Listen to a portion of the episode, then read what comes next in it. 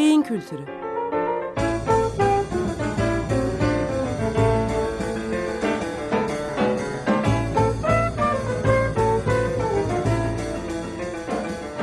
Tarihten, sanattan ve edebiyattan örneklerle beyin.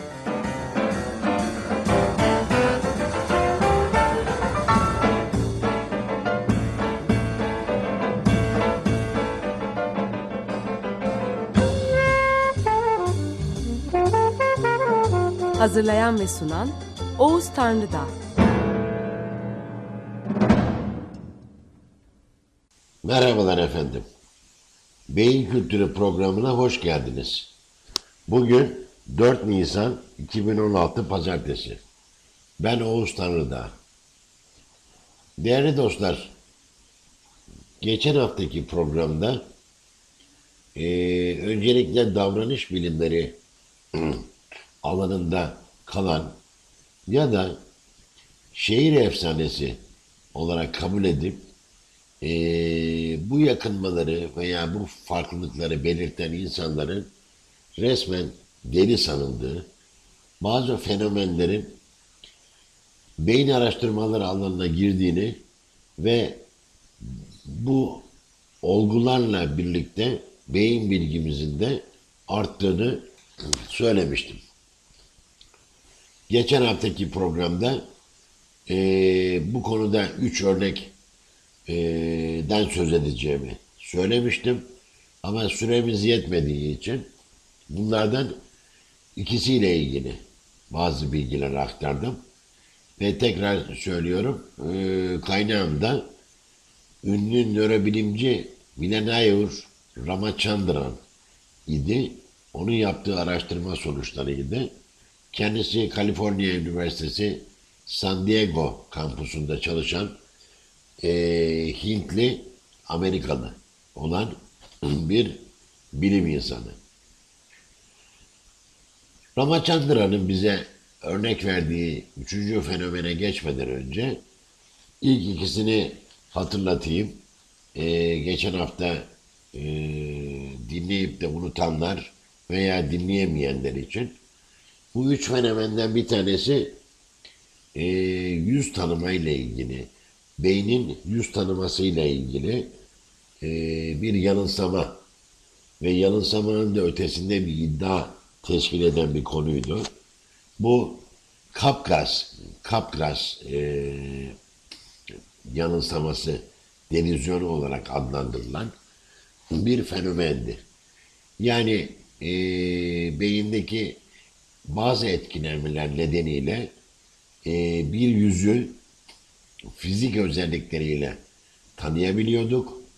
Ancak bu fizik özellikleri onun o olduğunu söylememiz için yetmi, yetmediği için onun yarattığı duygulanımı yaşayama, e, yaşayamıyor, e, yaşayamamadan kaynaklanan e, bir yanılsama içine giriyorduk ve diyorduk ki evet bu yüzü ben tanıyorum. Bu yüz şunun yüzüne benziyor. Ancak bu o değil. Onun yerine konmuş olan bir eee çoğunlukla da kötü niyetli olan bir kopyası diyebiliyorduk. Kafkas yanılsamasındaki esas nedenin de beynin yan şakak lobu içinde bulunan eee, bellek ve duygularla ilgili merkezlerin özellikle de yüz tanıma merkezi ile amigdal denilen duygulanım kayıtlarını tutan çekirdeğin arasındaki bağlantıların kopması olduğunu söylemiştik. Capgras delüzyonu veya yanılsaması yaklaşık 100 yıldır Freudian açıklamalar çerçevesinde e, kabul edilmiş ve dolayısıyla her konuda olduğu gibi bu yanılsamanın kökeninde çocuğun annesiyle ilişkisindeki aksama ve bir e, travma e, yer alıyor şeklinde bir açıklama e, bunun yerine konmuştu. Ancak Ramachandran'ın da dediği gibi e, Ramachandran'ın da dediği gibi aynı fenomeni, aynı yüz tanıma yanılsamasını bir köpekte de gördüğü için yani bir insanın kendine ait köpeği, köpeğiyle ilgili bu iddiayı e, ileri, ileri sürebildiği için bunun sadece anne çocuk ilişkisine has bir ilişki olmadığı, aynı zamanda her türlü yüze ait hatta hayvan yüzlerine ait olarak da gerçekleşebileceğini e, öğrenmiştik. E, ikinci fenomen olarak hayalet uzuv isimli bir fenomenden bahsetmiştik. Hayalet uzuvda da şu oluyordu, farklı nedenlerle kollarını bacaklarını kaybetmiş, kolları bacakları gövdelerinden ayrılmış bir insanda beyin bu ayrılmayı fizik olarak gördüğü halde bu ayrılığı duygusal bakımdan kabul etmiyor ve hala o kol ya da bacak gövdenin bir parçasıymış gibi bir yanılsama içine giriyordu. İşte bu yüzden hayalet uzuv ismi alıyordu bu fenomen. Hayalet uzuv aslında literatür tarafından hatta edebi örnekler tarafından da desteklenen son derece ilginç bir olgu olmaya devam ediyor. Şöyle bir tarihine doğru bir bak bakarsak e, Amerikan İç Savaşı yani 1850 civarında olan o kanlı savaş sırasında kolları bacakları kopmuş e, birçok gazinin gözlemini yapan e, hem doktorlar hem de e, o anda askerliğini yapan bazı edebiyatçılar örneğin Walt Whitman isimli e, şair bu tür, tür gözlemleri yapmış. Hatta Walt Whitman'ın bedenle ilgili şiirlerinde bu gündeme gelmiş. Aynı zamanda da bir nörolog olan Meyer Mitchell'in tıp kongrelerine gönder, gönderdiği bildirilerin konusu haline de gelmiş. Çok yaygın olarak rastlanan bir şey. Çok uzun süreler hayalet uzvun nedeni belli olmadı. Hatta hayalet uzvu iddia edenler, ileri sürenlere deli gözüyle bakıldı. Daha sonra yapılan beyin araştırmaları hayalet uzun yanılsamasının da bir beyinsel fenomen olduğunu ortaya koymuştur. Ve şöyle bir pratik yaklaşım göstermemiz gerekirse, e, beden şeması dediğimiz gövdenin kolu, bacağı ve parçaları ile ilgili şema beyinde her vücut yarısı ile ilgili sağ ve sol beyinlerde var. Ancak görsel mekansal beyin dediğimiz uzay mekan ilişkileriyle daha çok e, ilgilenen ve baskın özellik gösteren sağ beynin yan üst lobu olan parietal lobda bulunan vücut şeması ile ilgili bir bozukluk, vücut şeması algı bozukluğu olduğu da ortaya çıkmıştır. Buna ek olarak hayalet uzuvun bir e, türevi olan veya bir çeşidi olan hayalet ağrı denilen bir olgu da tanımlanmıştır.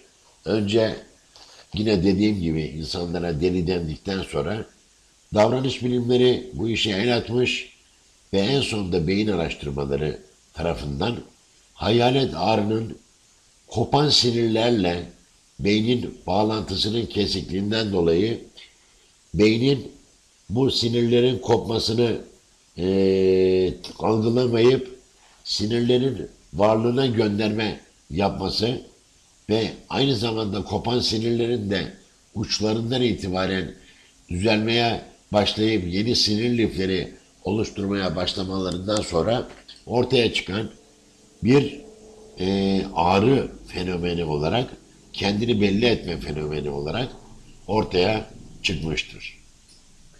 Ramachandra'nın sözünü ettiği ve bu hafta e, anlatmaya çalışacağımız üçüncü fenomen yani bize beyni anlatan fenomenlerden üçüncüsüne de e, sinestezi deniyor. Sinestezi meselesi yani olgusu e, 19. yüzyılda Francis Galton tarafından keşfedildi. Francis Galton e, Darwin'in kuzenlerinden birisiydi. Halk içindeki diğer yönlerden tamamen halk içinde diğer yönlerden tamamen normal olan bazı insanların e, bazı farklı garip özelliklere sahip olduğunu fark etti. Bunlardan bir bölümü sayıları her gördüklerinde renkli gör, görüyorlardı. Sayılar renkli görülüyordu. 5 mavi, 7 e, sarı, 8 açık yeşil, 9 çivit mavisi gibi. Ve bu insanların diğer yönden tamamen normal olduğu da belirtiliyordu. Biz de sinesteziye giriş yapmadan önce bu, bu yönleriyle bu insanların davranışsal, ruhsal veya beyinsel olarak normal olduğunu tekrar belirtelim. Ee, bazen not, notalar da renkleri anımsatır. Do diyez mavidir. Fa diyez yeşildir. Başka bir nota ise sarı olabilir. Bu niçin olur? Yani adına sinestezi denen bu fenomen e, niye olur? Galton'un tarifiyle sinestezi duyuların karışmasıdır.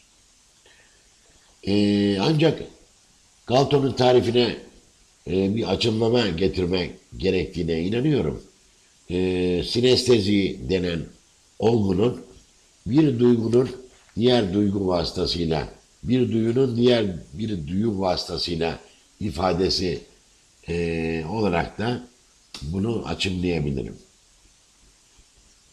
Normal sayılan bizlerde tüm duyular ayrı, sinestezi taşıyan sinestet denilen insanlarda ise duyular karışmıştır.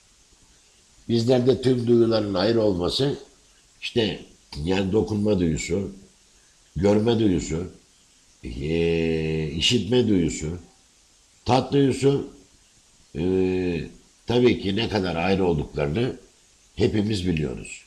Ve o duyularla karşılaştığımız zaman öncelikle o duyuların bize hissettirdiklerini algılıyoruz. Ve bunu tamamen normal sayıyoruz. Fakat sinestet denilen insanlarda bu duyular karışmıştır. Neden bu oluyor?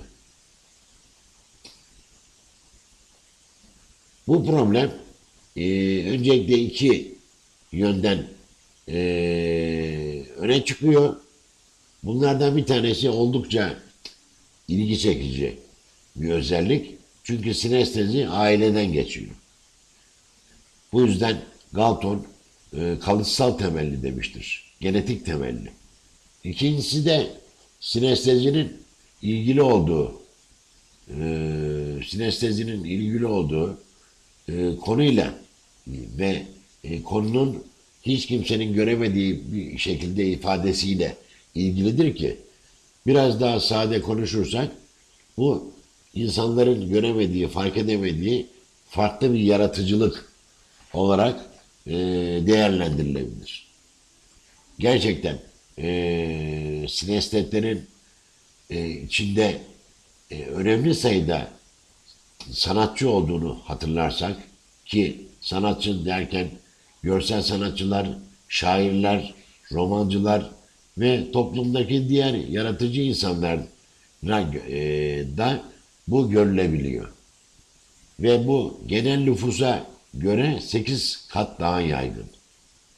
Yani bu yaratıcı insanlar arasında sinestezi oranı genel nüfusa göre 8 kat daha yaygın. Neden bu böyle? Daha önce cevap verilmedi, verilmeyen bir soru. Yani sinestet, sinestezinin sinestet olmak acaba insanların yaratıcı olmalarından mı kaynaklanıyor? Yoksa insanlar sinestet oldukları için mi yaratıcı oluyorlar? Bu ciddi bir soru olarak ortada. Ee, hatırlayanlarınız olabilir. Aynı soru davranış problemleri gösteren bazı çocuklar için de söz konusudur. Örneğin otistik grup dediğimiz otizm grubu çocuklarda eee, belli zeka özelliklerinin olduğu çok iyi bilinir. Eskiden otistik çocuklar eee, resmen geri zekalı kabul edilirken bu geri zekalılıklarına neden olan olayın sosyal ilişki kuramama ve sosyal kapalılık olduğu anlaşıldıktan sonra bunların farklı zekalara sahip olduğu ortaya çıkmıştır. Aynı soru bunlar için de vardır. Yani acaba bazı çocuklar otistik oldukları için mi çok özgün e, zeka özellikleri gösteriyorlar ya da çok özgün zeka özellikleri gösterdikleri için mi otistik gibi görünüyorlar? Bunlar hakkında birçok teoriler var. Bir teoriye göre e, bu tür e, insanlar, özellikle de sinestetlerden bahsediyorum tekrar, onlar sadece deli. Bunun bir bilimsel tarafı, iler tutar bir tarafı yok geldiğimiz nokta itibariyle. Bu yüzden bu iddianın, bu teorinin unutulup gitmesinden yanayız. Diğer teori ise onlar madde bağımlısı ve bu, bu nedenle e, sinestet, sinestet olmaları ortaya çıkıyor. Yani eroinman ve esrarkeş oldukları için. Aslında bunda bir doğruluk payı olabilir. Çünkü burada e, benim çalıştığım laboratuvarda ki Ramachandran San Diego'dan bahsediyor. Daha yaygın diyor. Uyuşturucu oranı yüksek olan bir eyalet olduğu için. Peki üçüncü teori ise nörobilimsel teori olması lazım. Çünkü biliyorsunuz bir süreden beri e, aslında tarih anlayışınızdan tutun da kişilik yapınıza kadar ve pek çok davranışınıza kadar en az üç açıklamanın olduğunu kabul ediyoruz. Bunlardan bir tanesi en eskisi olan sosyal bilimlerle ilgili ve çoğu şehir efsanesi olan açıklamalar. İkincisi 19. yüzyılın sonundan itibaren devreye giren ve 20. yüzyılın önemli, önemli bir bölümünü de kapsayan davranışçı açıklamalar. Örneğin Kapgras e, yanılsamasında anne çocuk ilişkisine bunun bağlanması gibi. Değil mi? Ee, ama üçüncü açıklamada 20. yüzyılın ikinci yarısından itibaren başlayan e, nörobilimsel, beyinsel açıklamalar. Peki, beyinsel anlamda düşündüğümüz zaman e, hatırlatmaya gerek var. Beyindeki renk bölgesi, arka lobun içindeki renk bölgesi ve sayı bölgesinin beyinde renk ve sayı bölgesinin beyinde füziform girus denilen yüz tanıma bölgesiyle çok yakından bir komşuluk gösterdiğini hatırlatalım. Ve düşünüyoruz ki renk ve sayı bölgeleri arasında kazara oluşmuş e, çapraz genetik olarak çapraz bağlantılar olabilir. Farklı ba bağlantı yolu olabilir. Ve bu yüzden her sayı gördüğümüzde karşılık gelen rengi görüyorsunuz. Ve işte e, kelimenin en basit ifadesiyle sinestezinin ortaya çıkmasının nedeni. Niye bu oluyor? Neden bazı insanlarda çapraz, çapraz bağlantılar olsun? Ama biraz önce söyledik ki bunlar aileden gelir. Bu bize bir ipucu verebilir. Bu ipucu anormal bir genin olması ve çapraz bağlantılara sebep olan şey de gendeki bir mutasyon olabilir. Bunun örneklerine her geçen gün çok daha fazla daha fazla sayıda rastlıyoruz. Ee, örneğin bunlardan bir tanesi Solaklık. Solaklık. Ee, sosyal bir örgüler içinde, kültürler içinde binlerce yıldır baskı altında kalan e, solaklar e, eğitim sistemine de yansımış bir şekilde sol elleriyle yazacak hiçbir sıra ondan sonra tabla şey e, tabela bulamayan solakların e, davranışsal olarak e, sürünün içinde bir azınlık olduğu anlaşılmış ve en sonunda da solakların bir beyin organizasyonu farklılığı nedeniyle e, oluşan bir insan tipi olduğu ortaya çıkmış.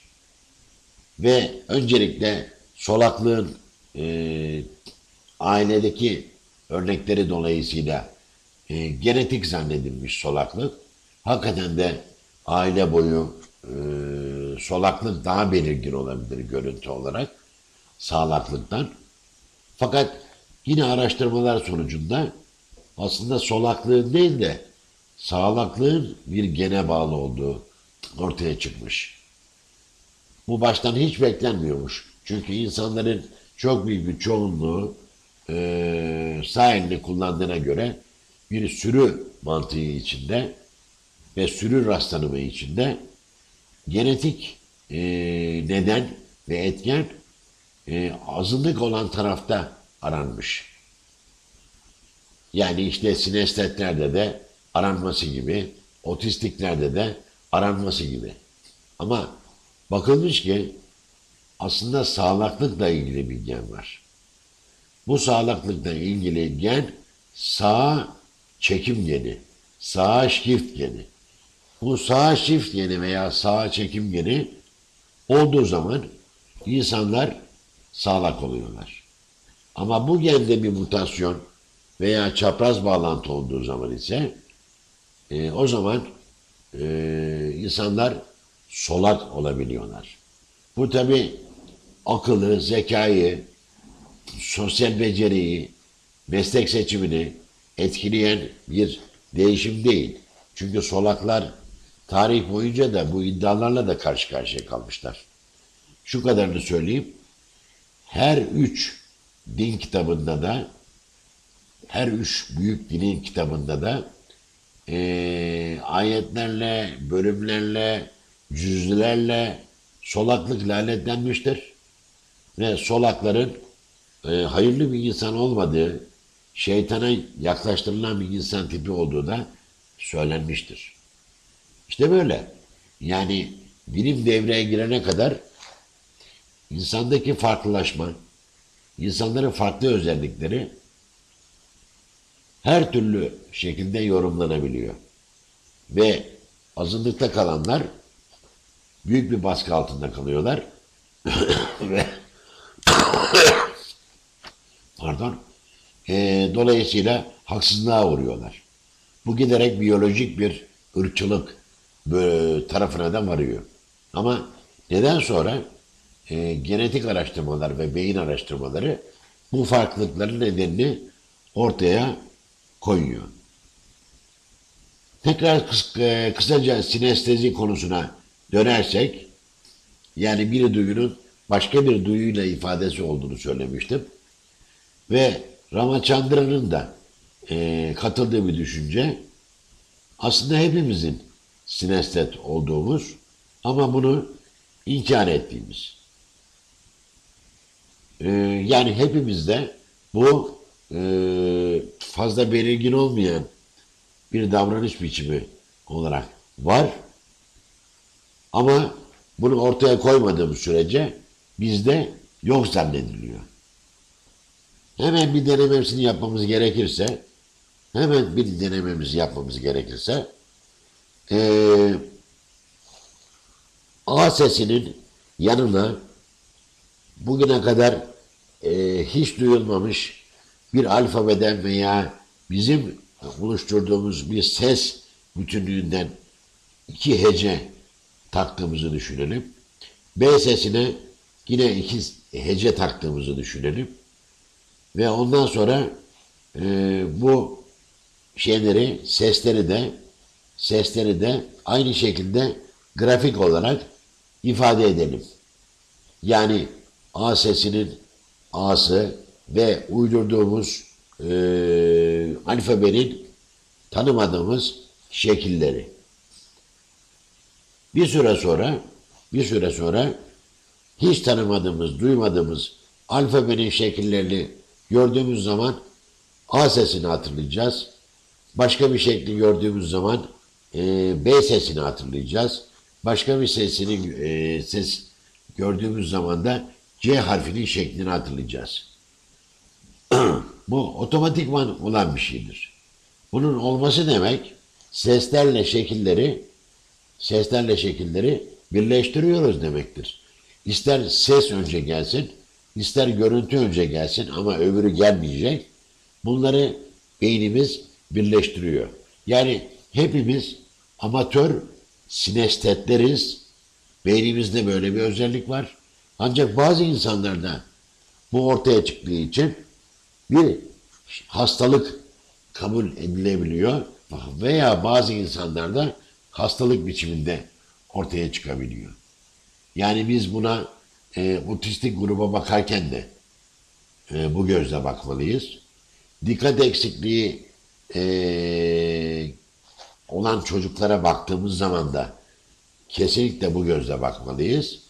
Ve farklı zeka biçimleri gösteren çocuk ve insanlara baktığımız zaman da bu gözle bakmalıyız. Yani hepimizde gizli, e, sınırın altında bekleyen, e, kendini kolay kolay göstermeyen zeka ve zihin özellikleri var. Ancak bunlar önemli özellikler, önemli e, karşılaşmalarda ortaya çıkabiliyor veya hiç ortaya çıkmadan e, bu özellikler kalabiliyor. İyi bir hafta diliyorum sizlere. Beyin kültürü.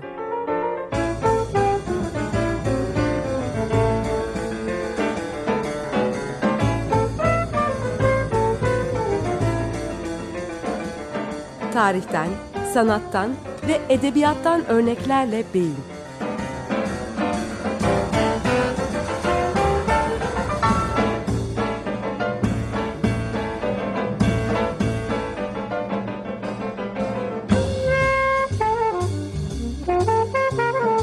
Hazırlayan ve sunan Oğuz Tanrıdağ.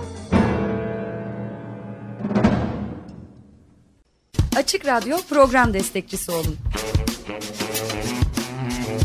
Bir veya daha fazla programa destek olmak için 212 alan koduyla 343 41 41